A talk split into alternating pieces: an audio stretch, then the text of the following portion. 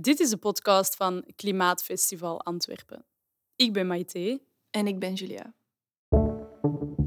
Je luistert naar een verhaal.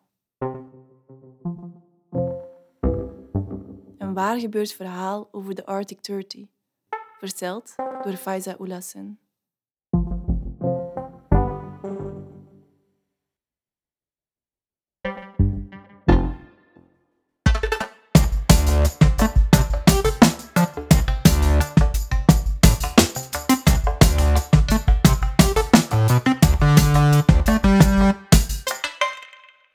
Zes jaar geleden ging ik aan boord van het Greenpeace-schip de Arctic Sunrise, samen met 29 anderen.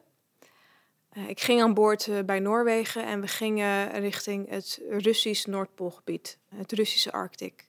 Daar gingen we naar een boorplatform van Gazprom, een Russisch olie- en gasbedrijf, die op het punt stond om te boren naar olie in het Noordpoolgebied. Iets wat heel gevaarlijk is, want het Noordpoolgebied uh, zeker de Noordelijke IJszee is heel onvoorspelbaar, donker, veel ijsvorming en het risico op een olieramp is ontzettend groot in zo'n gebied. En daarnaast met klimaatverandering moet die olie lekker in de zeebodem blijven. Nou, zes jaar geleden gingen wij daar naartoe en de Russische kustwacht zat ons op de hielen.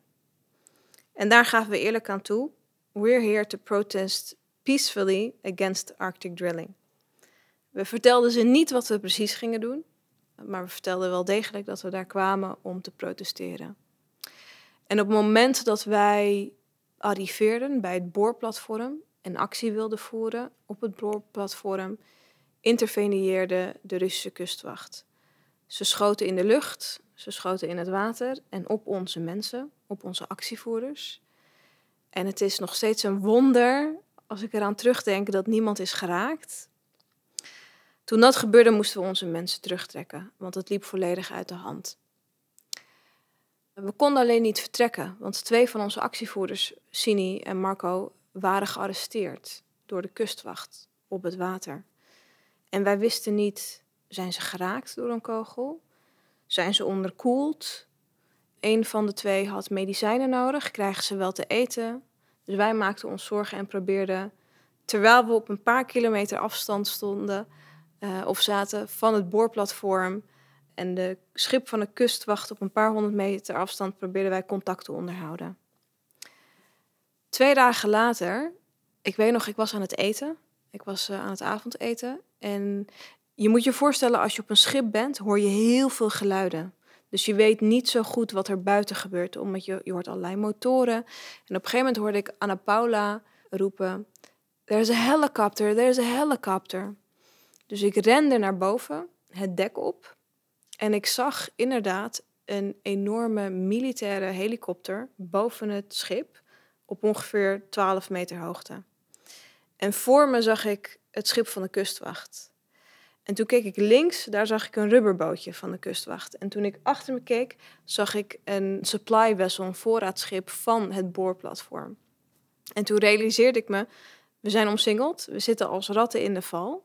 Toen keek ik terug naar de militaire helikopter en ik zag op dat moment een touwtje naar beneden.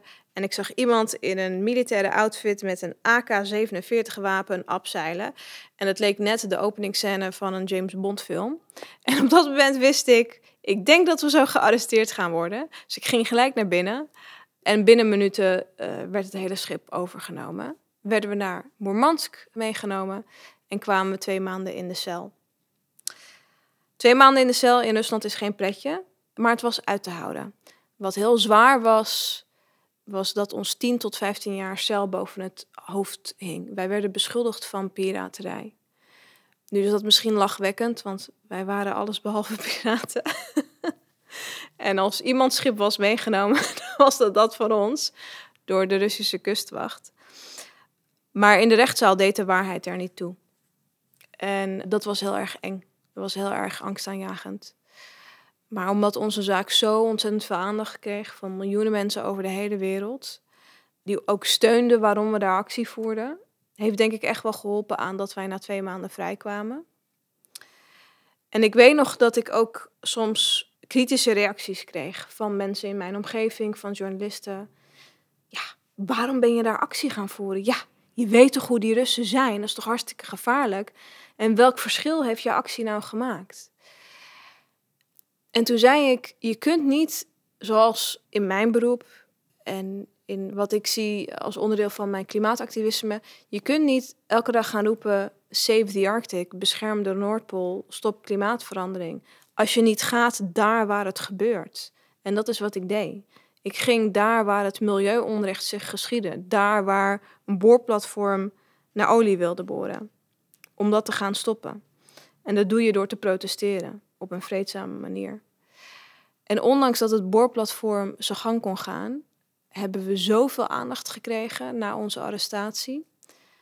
Dat de Noordpool veel meer aandacht kreeg en dat ook heel veel mensen daardoor wisten wat er gebeurde op het Noordpoolgebied. Wat heel ver weg is. Het is een ver van je bedshow.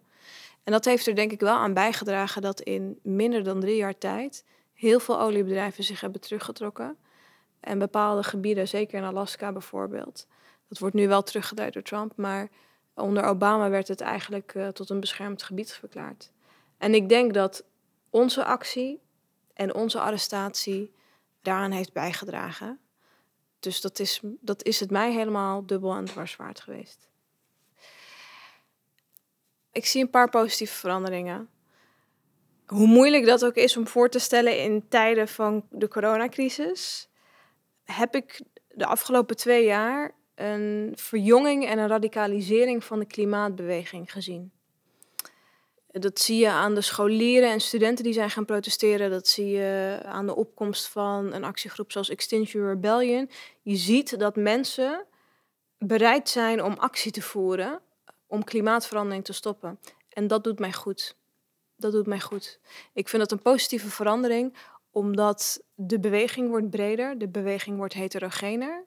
Klimaatverandering wordt een steeds grotere bedreiging. Het is al een van de grootste bedreigingen waar wij als mensheid voor staan. En zolang wij niet voldoende actie ondernemen, wordt die alleen maar groter. En omdat politici, overheden, bedrijven er niet in slagen om voldoende actie te ondernemen, is dit het resultaat? Is dit de reactie? Een verbreding uh, van de klimaatbeweging met ook onderdelen die in toenemende mate radicaliseren. En ik denk dat dit ook een teken is dat ja, je kunt er als politicus niet meer omheen. En die druk ga je voelen, linksom of rechtsom. Dus ik denk dat dat een positieve ontwikkeling is.